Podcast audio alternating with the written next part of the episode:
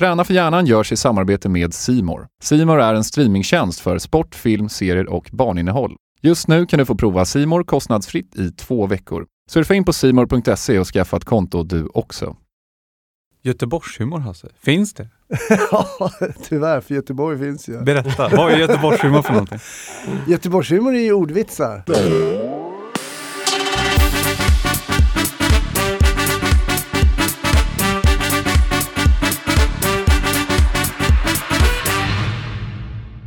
Välkommen till Träna för hjärnan. Eh, dagens eh, program inleds med en gäst som ni snart ska få höra. Eh, Rickard Nordstrand heter jag och till höger om mig har jag Johan Norén. Och så har vi dagens gäst. Vem är det? Det är Hasse Brontén. Och vem är du? Ja, vem är Hasse Brontén? Jag är en stockholmare, glad skit, uppvuxen i Enskede eh, med tysk mamma, norrländsk farsa som eh, började jag, jag, vet inte, jag var skolpolis, eh, skolpolis, sen var jag militärpolis i lumpen, sen började jag jobba som polis. Jag ville, jag ville bli skådis. Men sen ja. efter många om och men, efter många år inom polisen så började jag prova mina vingar som ståuppkomiker och det är det jag jobbar som idag. Ja men skådespeleri, det är ingenting som du har testat? Jo, jag har testat lite grann och försökt eh, få lite mer sånt, men det är tufft. Ja, i ja. vilken film? Eh, jag gjorde en, en nu, nu gjorde jag ett mini-inhopp i Gåsmamman 2 senast. Okej, okay, men den har ändå fått eh, ja. bra kritik. Men blinkar du så märker du inte att jag var med. Så typ det var på den nivån. Okay. Det var kul, jättekul. Eh, men hur, hur ser din vardag ut med träning? Eh, hur, hur många timmar i veckan lägger du med träning? Liksom? Hur får du in det i din vardag? Eh, jag har ju ganska fördelaktigt med tid. Eh, I och med att jag jobbar som ståuppkomiker så jobbar jag mycket kvällar. Så jag kan ju fördela min tid. Men jag försöker nog lägga fyra, fem timmar på träning ungefär i veckan. Ja. Så fyra, fem träningstillfällen då. Och då blir det ibland kanske två timmar på gymmet och tre löppass eller kanske tre timmar på gymmet och två löppass. Det är väl lite olika. Så försöker Sen blir det inte alltid så. Då. Ibland kanske det blir två gånger någon vecka. Men det är väl det som jag har som, som målbild hela tiden. Så blir jag inte helt knäckt om jag gör fyra eller tre, men jag försöker, försöker hålla det så. Men, men innan en uh, stand-up show eller något sånt där, lägger du in ett träningspass, känner du då att du oftast liksom får lite endorfinpåslag, att du kanske är lite mer på G när du liksom ska upp där? Ja, så är det ju. Jag kan inte säga att jag alltid planerar att träna innan ett ståupppass, men, men visst är det så att man får den här sköna känslan när man har tränat. Mm. Och att, eh, att det slår på någonting som gör att man slappnar av och känner sig mer redo inför nästa grej. Så, så är det ju. Och när kom du på det? Hur länge har du tränat nu? Alltså jag har nog tränat hela livet mer eller mindre. Jag spelade basket eh, länge faktiskt. Jag var aldrig någon elit, men jag spelade division 2 då. Men sen fortsatte jag ändå spela basket eh, i mixserien. I Stockholm har vi mixserie som där måste, man måste ha minst två tjejer på plan. Eh, sen så fortsatte jag spela lite division 4. Eh, så jag har alltid hållit igång. Det var en period faktiskt när jag slutade som polis, började med standard, när jag säckade ihop lite grann. Då var det så här, man kommer ut på gig och så sa ah, vill du ha lite en köttbit, kanske en öl? Ja absolut, fan vad trevligt. Får man det är gratis? Ja, ja men du ska ju uppträda här, du får ju mat. Käka lite pommes frites och sådana grejer. Så att då eh, la jag på mig lite där och kände mig lite eh, jag kände mig lite osund och kände att nu är jag på väg åt fel håll. Så då tog jag tag i det och sen dess så har jag nog hållit igång och det är väl en tio år som i alla fall försöker så här våga vägra gubbmage och sånt. Mm. Jag tränar ju för mitt eget välmående. Mm. Ja, men det är väl det viktigaste. Men, men hur, som polis, då, då, då insatsstyrkan, var det där du var? Nej, jag var på Norrmalm i sex år. Så jag jobbade civilt mycket som narkotikapolis. Ja, men ingick det mycket då träning i, vad ska man säga, i din tjänst? Mm. Man var liksom, man var tvungen att uppfylla vissa krav?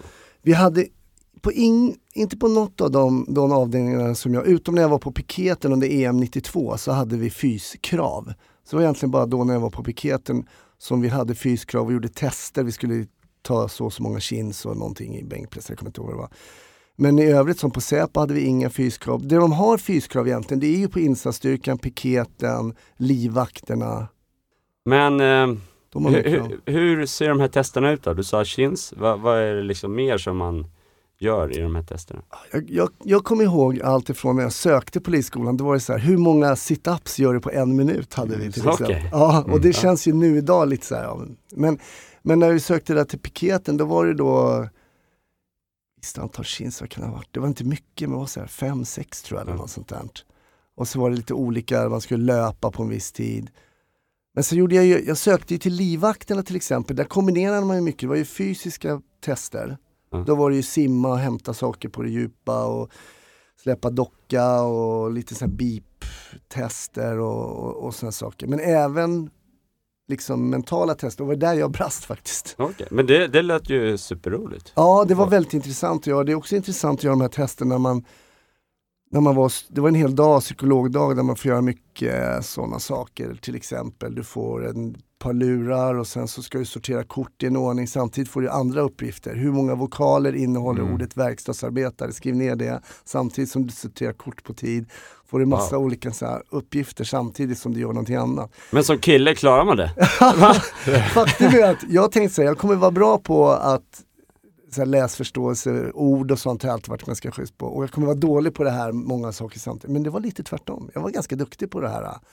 Okej. Jag har många bollar i luften samtidigt. Men jag Jaha. blev, jag blev, hon, de strök mig direkt faktiskt från livvaktsgrejen. Nej, jag var inte lämplig som eh, profil. Min, ja, min, min profil passade inte överhuvudtaget. Är det för att, alltså så som jag känner dig så är du verkligen glad, du är öppen person och det kanske inte då alltid passar in. För, för de livvakterna man ser, de ser ju verkligen, de står ju där och ser sura ut. Det, det är Eh. faktiskt en oerhört korrekt analys faktiskt. Ja. Så, för att det hon sa till mig var du är, du är för, de, sö- de, hon sa så här, vi söker en mer avvaktande personlighet. Hon sa det ganska snällt. Och det är inte någonting positivt, det är bra. Men när- hur kom du in på att du ville jobba med stand-up comedy? Och, Det, om vi, det roliga var, när man, om vi ändå pratar om den här psykologen då, då sa jag så, om du kan säga vad jag inte ska göra, till exempel inte jobba som livvakt, vad ska jag då jobba med? Och då sa han så här, nej men du ska jobba med din verbalitet, du är verbal och du är utåtriktad och sådär. Och eh, sen såg jag en annons, om det var DN eller Metro, stod det så här, är du rolig? Var det kurs på Dramatiska institutet, två veckor stand-up comedy. Och då jobbade jag på Säpo, fast på spaningsroten på Säpo. Tänkte jag söker den, jag kommer ändå inte komma in ju. Vem fan tar in en polis på en sån här kurs? Men så kom jag in och blev nästan lite frälst. Då var det så här, skriv tre minuter någonting roligt om där du växte upp. Och så, så fick alla skriva ner, fick vi gå upp och ta micken och så började folk garva lite åt det man hade skrivit. Så tänkte fan det här är jävla roligt alltså. men, men hur, det här är ju jätteintressant om vi stoppar. Hur, hur, um, det är ju verkligen att ta ett, helt, ett kliv åt ett helt annat håll. Ja, Hur gick tankarna där och vad tänkte du? Jag menar, du gick ifrån något, något till något helt annat. Om vi ska prata det här med rädsla och Mm. prata inför folk och, och nu skulle dessutom vara rolig också. Hur, Mm. hur, hur vågar du ta det steget? Alltså, först tänkte jag att jag bara skulle göra det här som en kul grej, alltså bara som en hobbygrej. Jobba som polis, det var ju det så här once a cop, always a cop liksom. Men sen när jag var ute och tiggde någon tid, fick fem minuter på någon klubb så här. Så kom de och sa, vad, vad, om du ska uppträda på mitt företag, vad, vad kostar det? Jag bara shit, ska folk betala för det här? Det är inte sant. Men så, sen hade jag ju ett intressant då, ben att stå på. Jag var ju både ståuppkomiker och polis då, det var ju unikt. Alltså, om någon ringer och bokar så, ah, men Det är Ja. du och Melin typ. Ja, men, lite så. Han är bara narcissist och polis. Nej, jag gillar Martin, så, Ja. det här vet om att vi, vi har nog båda narcissistiska drag, Ja, så det är helt okej. Eh, nej, men sen så, jag trodde inte ens man kunde försörja sig som ståuppkomiker, om jag ska vara ärlig.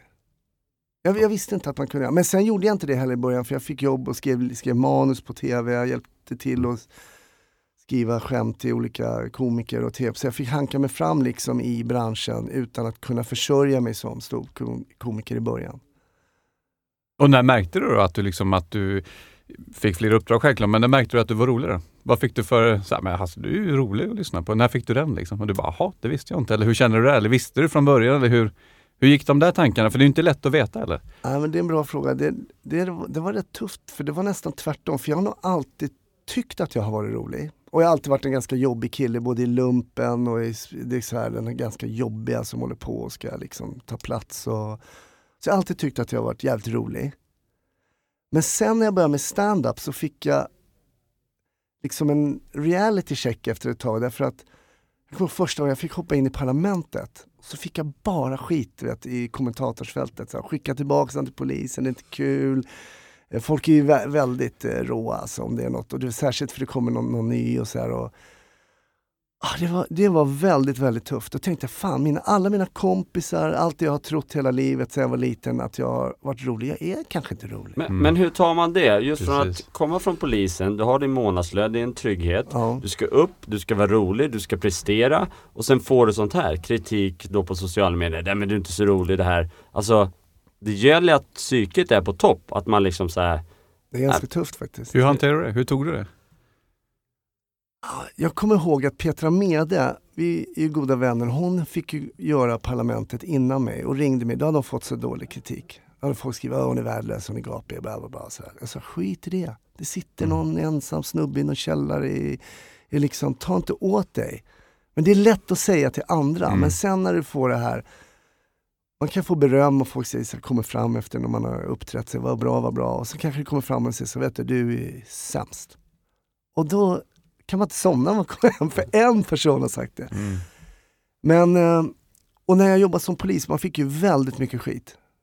Eh, oavsett egentligen vilket jobb man var på ibland så fick man ju eh, skit för att man var fascist eller man var allt möjligt.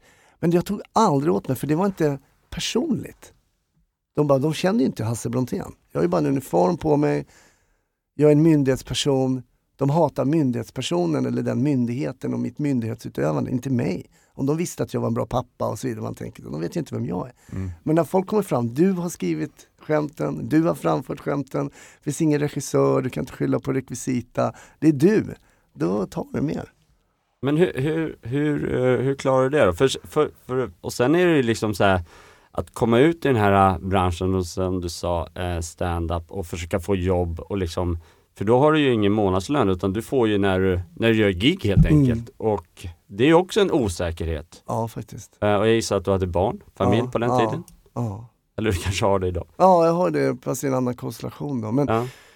Det tycker jag också var väldigt jobbigt för att man hade blivit väldigt förstatligad. Som du säger, statlig myndighet, även om man kände kanske Men en trygghet. En trygghet, Ja. du lämnar in Mm. de här pengarna varje månad trots att jag kanske inte kände att det här var min bästa månad.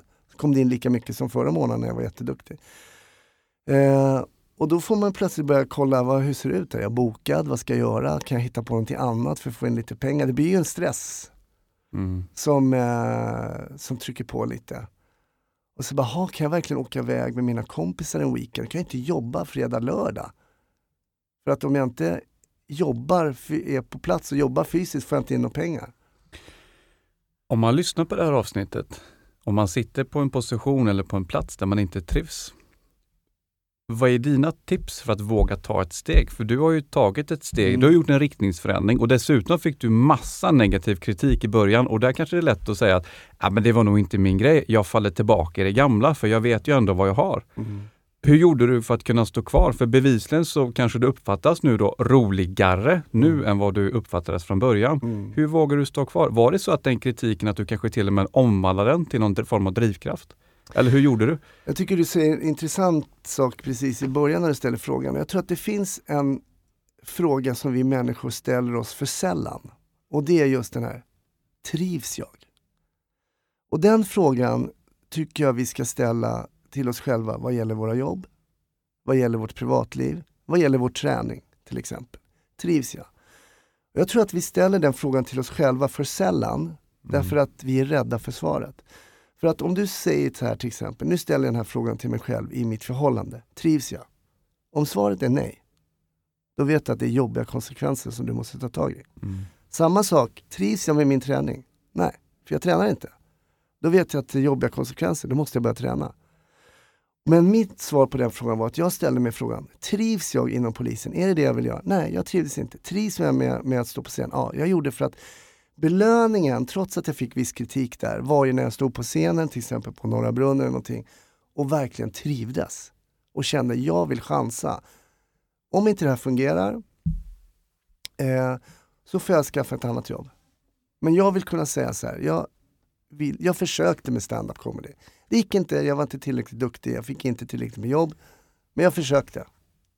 Och då har jag en fråga. Hur, hur blev du, för vi pratar om medvetna tankar, för det är lätt att man går i någonting och man går och går och går och åren går och man, man går från att inte trivas till nästan att bli lite bitter. Avundsjuk och missunnandet till andra är ju någonting som man ofta utvecklar. Men hur, hur blev du så medveten att nej, jag trivs inte och jag är också beredd att göra förändringen? Hur kom du till det? Det kom ganska successivt. Eh, jag kände att nu är jag klar med polis. Jag, jag sökte faktiskt andra jobb. Jag fick faktiskt också ett jobb eh, som jag sökte som säljare av kopiatorer och faxar. Det var innan jag hade gått Ja, där. Och så jag var på väg. Eh, mentalt så var jag på väg från polisyrket. Jag ville göra någonting annat. Jag kände att jag var klar. Och jag kände också att jag började bli lite cynisk.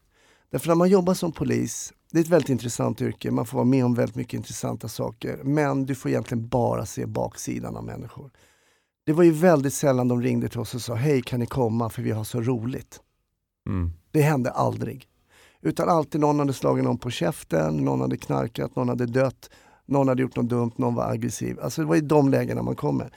Och när man bara blir utsatt, för mig var det så, för människans negativa sida och mörka sida, så är det lätt att tro att alla människor är så. Mm.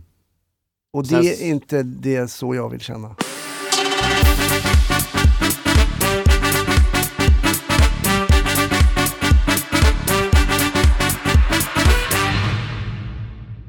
Och det var så intressant tycker jag, för när jag började jobba som polis så hade jag en fördom om hur poliser ska vara. De ska vara stora, de ska vara starka, de ska vara liksom otroligt vältränade. Och så. Och jag, när jag började på polisen 1988 så precis kom jag från lumpen, jag var en lite tanig kille som fortfarande inte hade blivit man kan man säga. Jag vägde 68 kilo och ändå 1,87.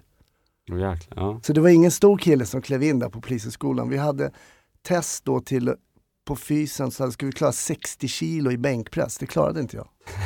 Du, du orkade lyfta puffran? det var, man hade ju mindre pistol på den tiden. hade den där lilla valten. Så, det, och så hade de ett snöre på den också så man kunde liksom veva upp den om man Ja, okej. Nej men så jag var en väldigt tanig kille eh, som inte tyckte att jag levde upp till den här bilden av hur en polis skulle vara lite. Det här sa jag inte till någon då. Men, men sen när jag kom hit och började jobba på Norrmalm, jag sökte inte till Norrmalm. Norrmalm är ju för alla som känner till det downtown Stockholm. Liksom. Mycket omsättning av jobb, väldigt få människor som bor där med mycket stök. Folk kommer in från ytterförorterna och ska festa på helger. och Så. Men så märkte jag efter en tid när jag jobbade och åkte med de här stora starka poliserna och vi kom ut och pratade med folk, att folk började prata med mig. Och så tänkte jag, vad fan är det här nu då? Här står det en stor, stöddig, tuff kille liksom. Och det har alltid varit min, eh, min, eller min, min styrka tror jag, att jag har varit väldigt verbal och aldrig jag sa alltid till mina studenter på, när jag var ju lärare två år på Polishögskolan, det, glöm aldrig att det är tillfälligheter som gör att vi sitter på ena eller andra sidan skrivbordet. Mm. För om jag tittar tillbaka på mitt liv, när jag gick i gymnasiet, jag gick i, alltså de polarna som jag hängde med vissa då, vissa döda, någon är dött i överdos, någon blev överkörd av tunnelbanan, började knarka, började kriminella, men vi, ett gäng, vi gick ifrån det där lite. Vi spelade basket, men jag kunde lika gärna hängt med de andra och då hade inte jag blivit polis. Då hade man åkt fast för de här små brotten som de gjorde. Det var, först var det snatterier men sen lite andra grejer.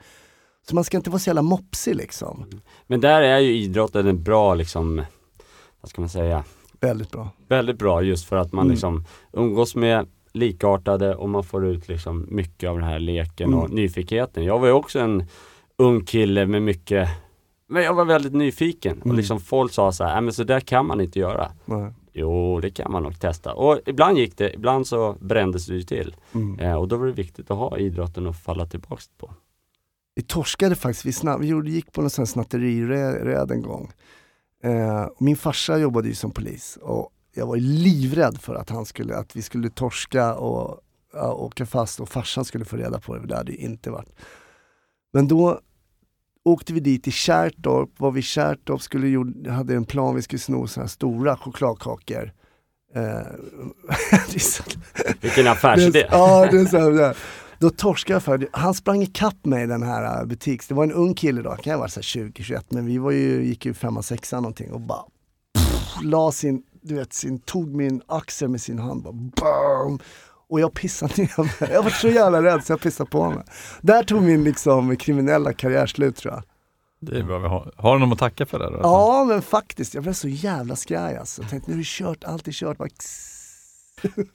Men, men hur, nu kommer vi in lite så på din eh, uppväxt med din pappa Mm. och det och det är Mm. också någonting som du har pratat mycket om och det är också hur tar man sig ur en sån situation? Ja, för de som inte känner till det då, jag har ju haft en en föreställning om det som hette Bipopulär. Min pappa var ju bipolär, då sa man manodepressiv. Och vad man förenk eh, förenklat kan säga att han var bitvis, gjorde mycket knäppa saker. Och var, ehm, var liksom ganska frånvarande som pappa då eftersom han var psykiskt sjuk. Då. Nej, men jag tyckte att det var jobbigt. Jag tror nog att av mina, vi oss fyra bröder, jag var äldst, var nog den som tog det hårdast, att pappa var Bipolär, hur, vad är liksom symptomen? Vad är liksom... jag, tyck, jag tyckte att namnet manodepressiv var väldigt bra då när jag var yngre och började fatta. Min pappa var då i sko först väldigt manisk. Och då, för min pappa så var det så att han kunde till exempel bränna alla pengar, vara ute på stan. Han var en lugn norrländsk kille. Eh, bränna alla pengar, hitta på massa dumheter. Eh, tyvärr slutade det alltid med att han gjorde någonting dumt mot någon han kände eller, och blev, hamnade på tvångsvård, liksom. blev inlåst. Liksom.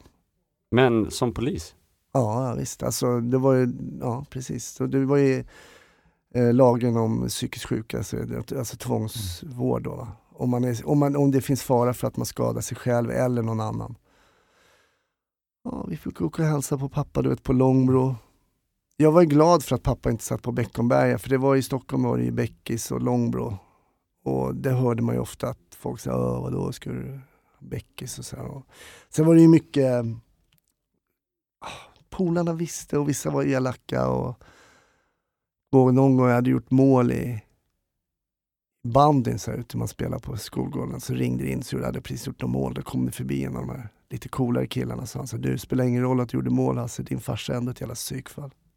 Oj, Mm. hur gammal var du då? Ja, jag tror jag gick i mellanstadiet då, kanske gick i fyra, femman och så. Men än idag vet Du jag kommer ju- ihåg det Ja, fortfarande? det- än idag kan jag bli så jävla förbannad. Hade du någon att prata med då som du gick och pratade med? Nej, eh, och det är det egentligen som min föreställning handlade om. Ja. Att vi inte pratade om det överhuvudtaget. Att det var liksom, idag är det ju lite bättre även om det fortfarande är oerhört så här. Men har du, har du på den tiden, var du också en, en eh, litet barn lätt till skratt? Och är du den, var du samma person då? Eller har du liksom haft det här eh, glada, roliga för att liksom bearbeta? Det är så intressant därför att för, eh, vad kan det bli nu? Nej, mer kanske. Ja, det, det tog slut med en tjej för ganska många år sedan. Jag tänkte att jag ska fan gå och snacka med någon. Det kanske jag kanske, kanske inte kan vara ihop med någon. Liksom. Jag är en jobbig snubbe att vara tillsammans med. Och gick jag snacka med en psykolog, vi satt och snackade. Det kom att handla väldigt mycket om min pappa. Men min försvarsmekanism inför allt jobbigt när jag var liten var alltid att skoja Mm. skämta bort. Eh, få folk eh, liksom någon sekund av skratt och det blev liksom som en, en liten injektion av glädje. Och det var ju en försvarsmekanism som fungerade väldigt bra för mig som barn. Varför tror du vi generellt sett har svårt att prata om, eh, om mycket, men framförallt om hur man mår? Vad tror du är liksom själva mekanismen bakom? Varför har vi så svårt att prata? Uh, jag tror att det finns olika faktorer. Dels så tror jag att vi har lättare att prata om det som vi tycker är enkelt att förstå. Till exempel, som jag var lite avundsjuk, det här kan ju låta lite konstigt, men jag ville ett tag när jag var så här runt 10-12 år att min pappa skulle ha cancer. Därför jag hade en kompis vars pappa hade cancer och tyckte de var snällare mot honom än de var mot... För ingen hälsade på min pappa så här på Långbro. Det var så här, du vet, man ser en röntgenbild, här finns det något ont, vi ska ta bort det då blir det bra. Liksom. Men i och Mm. med det här som pappa hade då, eller som många människor har, att man har, det har kopplats om på något sätt i systemet. Att man blir, Mm. folk beter sig konstigt och gör konstiga grejer. Men vadå du, du, du ser ju helt frisk ut. Du ser ut som en normal människa. Vad gör du? Och, en gång så hittade man min pappa, han hade varit försvunnen. Då berättade mamma att man hittade honom, till, hittade honom i Malmö i november. Barfota på så här Gustav Adolfs torg. Vet, man blir, det är så jävla jobbigt också som man har sin pappa som förebild, ser honom liksom gå barfota. Han är polis, han var min hjälte liksom. Det, Mm. det var tungt. Det de, där tror jag det finns, jag tror att vi har lättare att prata om det som är mer förståeligt. Men när det kommer till det här psykisk ohälsa när folk blir... Jag skulle säga att jag hade en oerhörd fördel i mitt yrke som polis. Att, ha, had, att jag hade en pappa som hade det här. Och jag, jag bemötte folk som... Ibland när vi satt i buss och folk sa så här, jävla psykfall. Så, mm, tänkte jag, nu snackar du om min farsa liksom. Mm. Om man tänker på det här med empati, sympati och förmågan att kunna läsa in andra människor. Kan det vara effekten av din uppväxt att du eh, levde med en människa som stod dig nära och som du inte visste mådde bra men som man Mm. du eh, självklart älskade? Mm. Att man utvecklar en förmåga att faktiskt se och känna av när människor inte mår bra som du sen tog med dig in i polisyrket. Som du sen tog vidare in i det som du jobbar med nu, stand-up comedy och göra folk glada. Det känns som att det finns ändå en tråd om vi tittar tillbaks. Kan det vara så? Det kan det göra. Och jag kommer ihåg att ibland stod jag verkligen på tå som, som barn för att titta så här på pappa. Och man, ibland kunde jag se i hans ögon att han hö- höll på liksom, "Nej, nu försvinner han, nu är han inte pappa längre. Liksom. Att han gick in i den här sjukdomsfasen. Och vi hade ju så här konstiga, jag kommer någon gång sen, då var han sjuk pappa, då var jag kanske 15, 14, 15. Då säger han så här, "Nej, Hasse ikväll går vi ut på stan, då klubbar vi, då kör vi hela Stockholm liksom. Min Wow. och farsan var ingen, dels ingen kille som gick på klubb om man säger så. Så jag sa, men pappa jag är bara 14 år, jag får inte gå liksom på klubb och sånt. Så han bara, det är lugnt. Jag äger alla klubbar i hela Stockholm. Så vi kan gå var vi vill. Och det är ganska jobbigt när man är 14 år. När ens pappa säger att han äger alla klubbar och är helt seriös. Alltså det är... Och man vet, nej men pappa du mår inte bra, du, det är inte sant liksom. Och då måste man säga, men jag ska ha ju läxor och jag ska gå upp och... Ja, det blir jobbiga situationer som uppstår. Om, om man lyssnar nu och känner igen sig, man är, man är i en liknande situation. Vad är dina råd? Hur, hur, Vart kan man vända sig? vad, vad, vad gör man om man Mm. känner igen sig? Liksom, att man, det, här, det här kan jag känna in. Liksom. Mitt råd för det första är att vara mer öppen mot barn. Barn förstår ju mycket mer än vad vi tror. Och förklara, man behöver inte alltid förklara i detalj, men men jag tycker till exempel bara för mig som jag har minnen att gå och besöka på sjukhus. Jag vet att man gör lite annorlunda idag, men för mig var det ganska otäckt för att det smög folk runt väggen. Det var ju bara folk som mådde dåligt. Berätta, nu ska vi gå dit, folk som är de mår så och så och så. Förklara vad sjukdomarna är, var mer tydlig. Eh, förbereda barn på vad som komma skall, hur det kan bli. Det är om man ser barnperspektivet. Jag tycker det är väldigt viktigt att, att, att berätta, för det gjorde vi aldrig hemma i min familj. Det var ingen som berättade någonting. Mm. Så det är väldigt viktigt att informera. Sen finns det också idag, som inte fanns på pappas tid. Till exempel finns det en förening som heter Balans som eh, folk som är anhöriga eller har diagnos bipolär. Eh, där kan man vända sig, de har sådana anhörighetsträffar, man kan prata, man kan få bolla, allt sånt där. Det finns också anhörig, eh, jag kommer inte ihåg vad den heter, Riks... Ja, det finns fler anhöriga, man får googla då. Eh, Men det finns också så här anhörigföreningar som är jättebra när det gällande psykisk ohälsa. Det finns folk att prata med idag. Mm. Vilket inte fanns bara för 20 år sedan. Så det är fantastiskt. Jag tycker inte man ska vara, eh, vara rädd för att kontakta. För det finns många människor där ute som är med om det du har varit med om. Som kanske lyssnar och hör det här. Då, som har en förälder eller en anhörig som mår Mm. dåligt. Man får ju bli tydligare på något sätt därför att, att må dåligt känns som att det ingår ju i livet och det Mm. innebär inte att man är en dålig person. Att Nej. man liksom, jag tror man behöver duktigare på att särskilja begrepp och klyva ord och liksom sluta med det här generella att slänga ur sa, sig saker. För där kan man ju också sortera sakerna.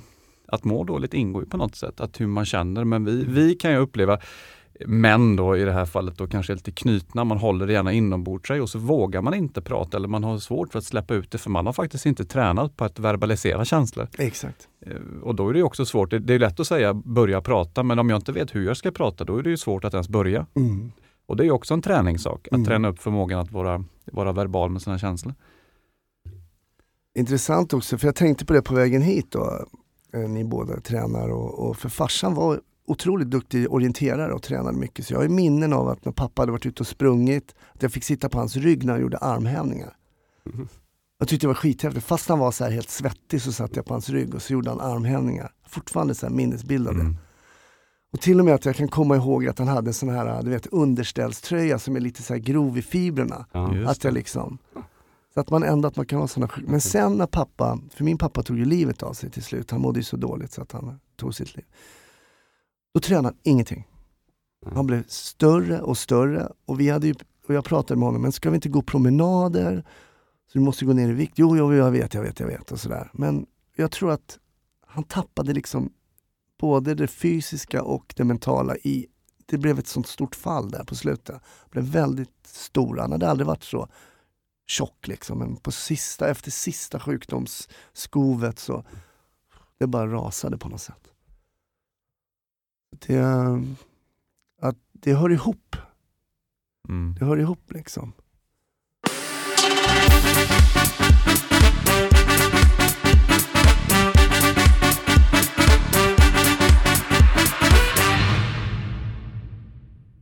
Kommer du ihåg ditt första gig? Ja, det var inte bra kan jag säga. Ta oss igenom ditt första gig. Ja. Hur, hur du fick frågan, hur det kändes när du visste att du skulle upp och vad som hände. Det var ju så när jag gick den här kursen på Dramatiska institutet så ingick det då ett uppträdande på Norra Brunn. Så jag gjorde mitt första stand-up-gig eh, på Norra Brunn. Och det var en tisdag tror jag, eller möjligtvis en onsdag. Och när vi satt då, jag var ju van, man hade gått kurs på polisen, då var det så här. Okej, följande gäller. Eh, Nordstrand, du är etta, du är tvåa Johan. Alltså, det var inget disku- diskutera. Det var ju så här, ah, nu ska vi uppträda nästa vecka. Då. Så här, ah, tisdag, det var ingen som ville uppträda på tisdag. Jag tänkte, vad konstigt. Så jag tar det, men det är ingen folk där på tisdag om man jämför med en fredag, lördag. Jag var jättenervös, klev upp. Jag hade skrivit faktiskt något skämt om att vi poliser då hade, när jag började som polis, hade pistolen i en handväska. Det hade vi ju, alltså vi hade ju som en liten väska över vänster lår som man öppnade och där inne låg pistolen i en handväska. Nej, det var tufft. Det var Och hur blev feedbacken då första? Feedback. Vi, de var ju snälla på den där kursen där ändå men det är någonting med snubbar också, så här, vi har ju ett självförtroende ibland som inte bottnar i verkligheten. alltså, Ja, vad menar du? Nej, ingen aning. det gäller såklart inte er.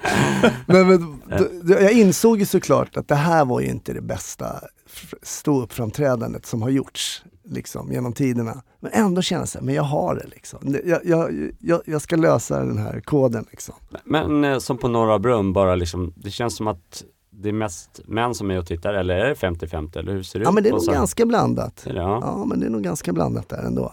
Mm. Eh, Man vill ju helst ha mest tjejer i publiken. Varför då? Därför att tjejer är... Du, du kan komma till ett företagsgig och killar, du vet så här, men de kan sitta med armarna i kors och så här, så kan du tänka sig, mm, roa mig då din jävel, ska vi se hur kul du är. Jag är rolig liksom, men hur kul är du? Så är inte brudar, alltså nu generaliserar jag såklart, men tjejer är mer så här. armarna vid sidan, if it's avstånd. funny, it's funny. De bara, det, finns ingen, det finns mindre prestige, killar har mer prestige i det här Mm. Eh, att skratta loss. Liksom. Så kollar man på Alfa, han skrattar han då? Chefen, ah, han tyckte inte det här var så kul, ah, då tycker inte, kanske inte jag heller det. Så det Men- finns någonting, man vill ha mer tjejer, de, de skrattar mer. Men hur var det? Varför ville du göra det igen? Fick du känslan att "Äh, det här kommer jag bli bra på eller känner du att det här tyckte jag var så himla kul och roligt och liksom jag gör det på glädje. Sen om skämten går hem, det spelar inte så stor roll för jag har kul själv i alla fall. Eller hur tänkte du? Ja, jag, jag tänkte att jag måste göra det här igen för det det var liksom, man pratar om att bomba inom eh, stand-up. Bombar du, då är det ju ingen som skrattar. Okej. Och du vet, det är helt tyst och du försöker igen med något och det är bara helt tyst. Och det, det, och, nej, men, och det var, så det var ingen bombning, men det var inte ett bra. Jag tänkte nog så här, om jag övar. Och sen hade han som, eh, vad som hände var att jag testade några gånger till och så uppträdde jag på ett ställe som då hette Tivoli vid Mariatorget och då uppträdde jag med Lenny Norman. Och där hände, Lenny Norman, gammal sån stand-up-legend. Och då sa han så här, du vad sa du, jobbar du som polis? Ja. Om du övar på det här, han sa, det var bra framträdande, sa, men om du övar, då kommer du kunna försörja dig på det här, sa han. Och de orden gjorde att jag, då bara, då, säger Lenny Norman. Mm. Så då kommer jag ihåg, då åkte jag hem och var sambo eh, med en annan tjej, eh, inte med den tjejen jag är sambo med idag. Så sa jag, jag ska satsa på stand-up. Så. Jag ska försöka bli ståuppkomiker, jag ska försöka börja jobba som ståuppkomiker. Då sa han så här, är du patetisk eller? Vad tror du att du ska bli? Artist? Vad håller på? Du är ju polis, fortsätt med det. Och där tog du slut med Ja, exakt. Det var Ja. faktiskt så. Vad bra. Det är inte den stöttning man Nej, vill ha det när ska man kommer hem. absolut ha. Negativa Men man har en dröm man... liksom och bara kommer hem och Lenny Norman säger så jag bara nu, det ska jag. Plus att mina tre bröder var duktiga, mina, jag har tre bröder, alla egna företagare. Och då sa jag så här, det kanske är det bästa att gå tillbaks till tryggheten då. Mm. Då sa de också, nej, kör, Ja. testa. Så de var väldigt bra faktiskt och stöttande. Så det, och ja, sen har det rullat på. Men, men när liksom, jag känner ju igen dig från Parlamentet, det är ju Mm. där liksom där jag får ett ansikte. Eh, var det någonstans när du fick lite tv-tid också då att det genererade att du fick mera liksom föreställningar och sådär? Mm. Och när var det i karriären då?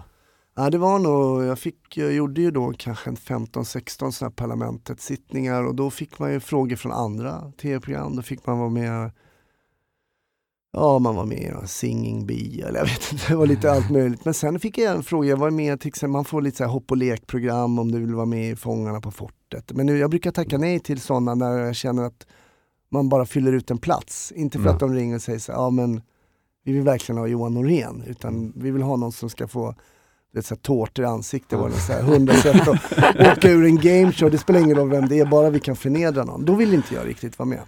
Men jag var ju med till exempel i någon så här, att, eh, vi hade ju någon så här idrotts, eh, vad heter det? Superstar Celeb. Jaha!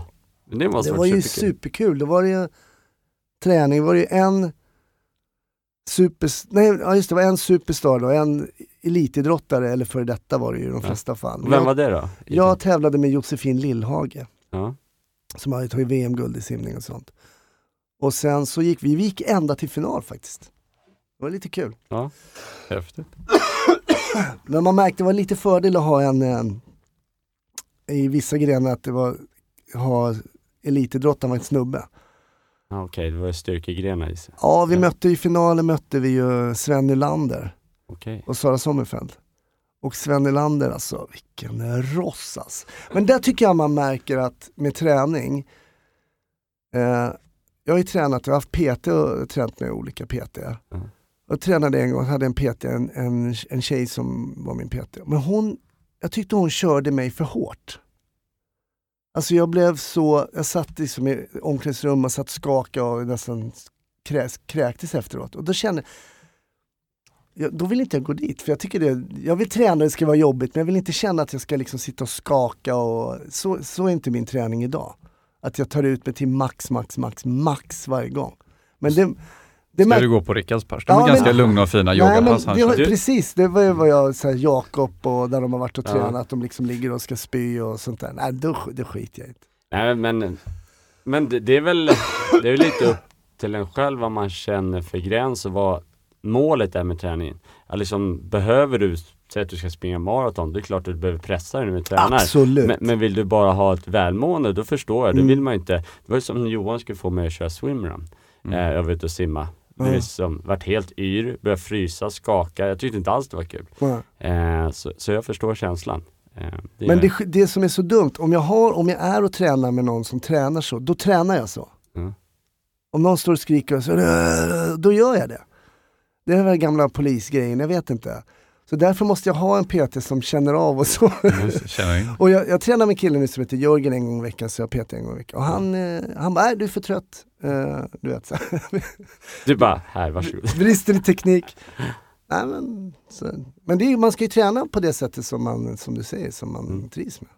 Men, men efter en föreställning som, är liksom, som du känner så här, den där satt, den var inte, som du sa, det var ingen bomb utan det var verkligen bra. Jag får också så här endorfinpåslag som Ja. du kan få efter ett löppass till exempel. Ja, det är underbart alltså. Det är samma belöning.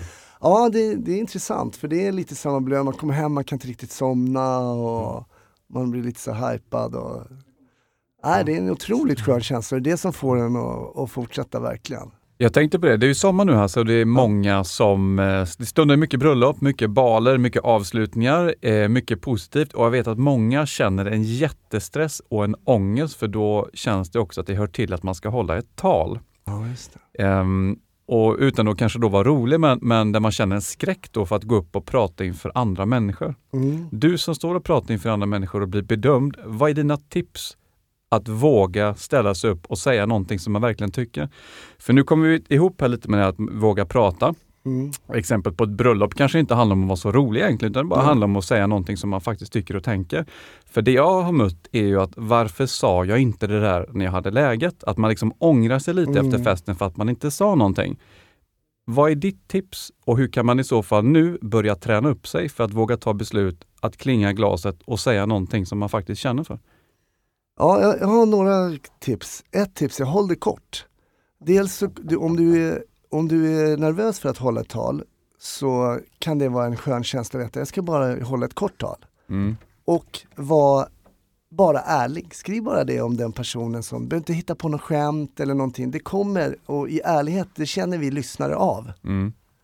Och var bara dig själv. Så då kommer det bli ett ganska bra tal därför att var ärlig om, om den person du ska berätta, kanske någon du har växt upp med som har gift sig. Eh, håll det kort och var dig själv. Du, du kommer inte misslyckas.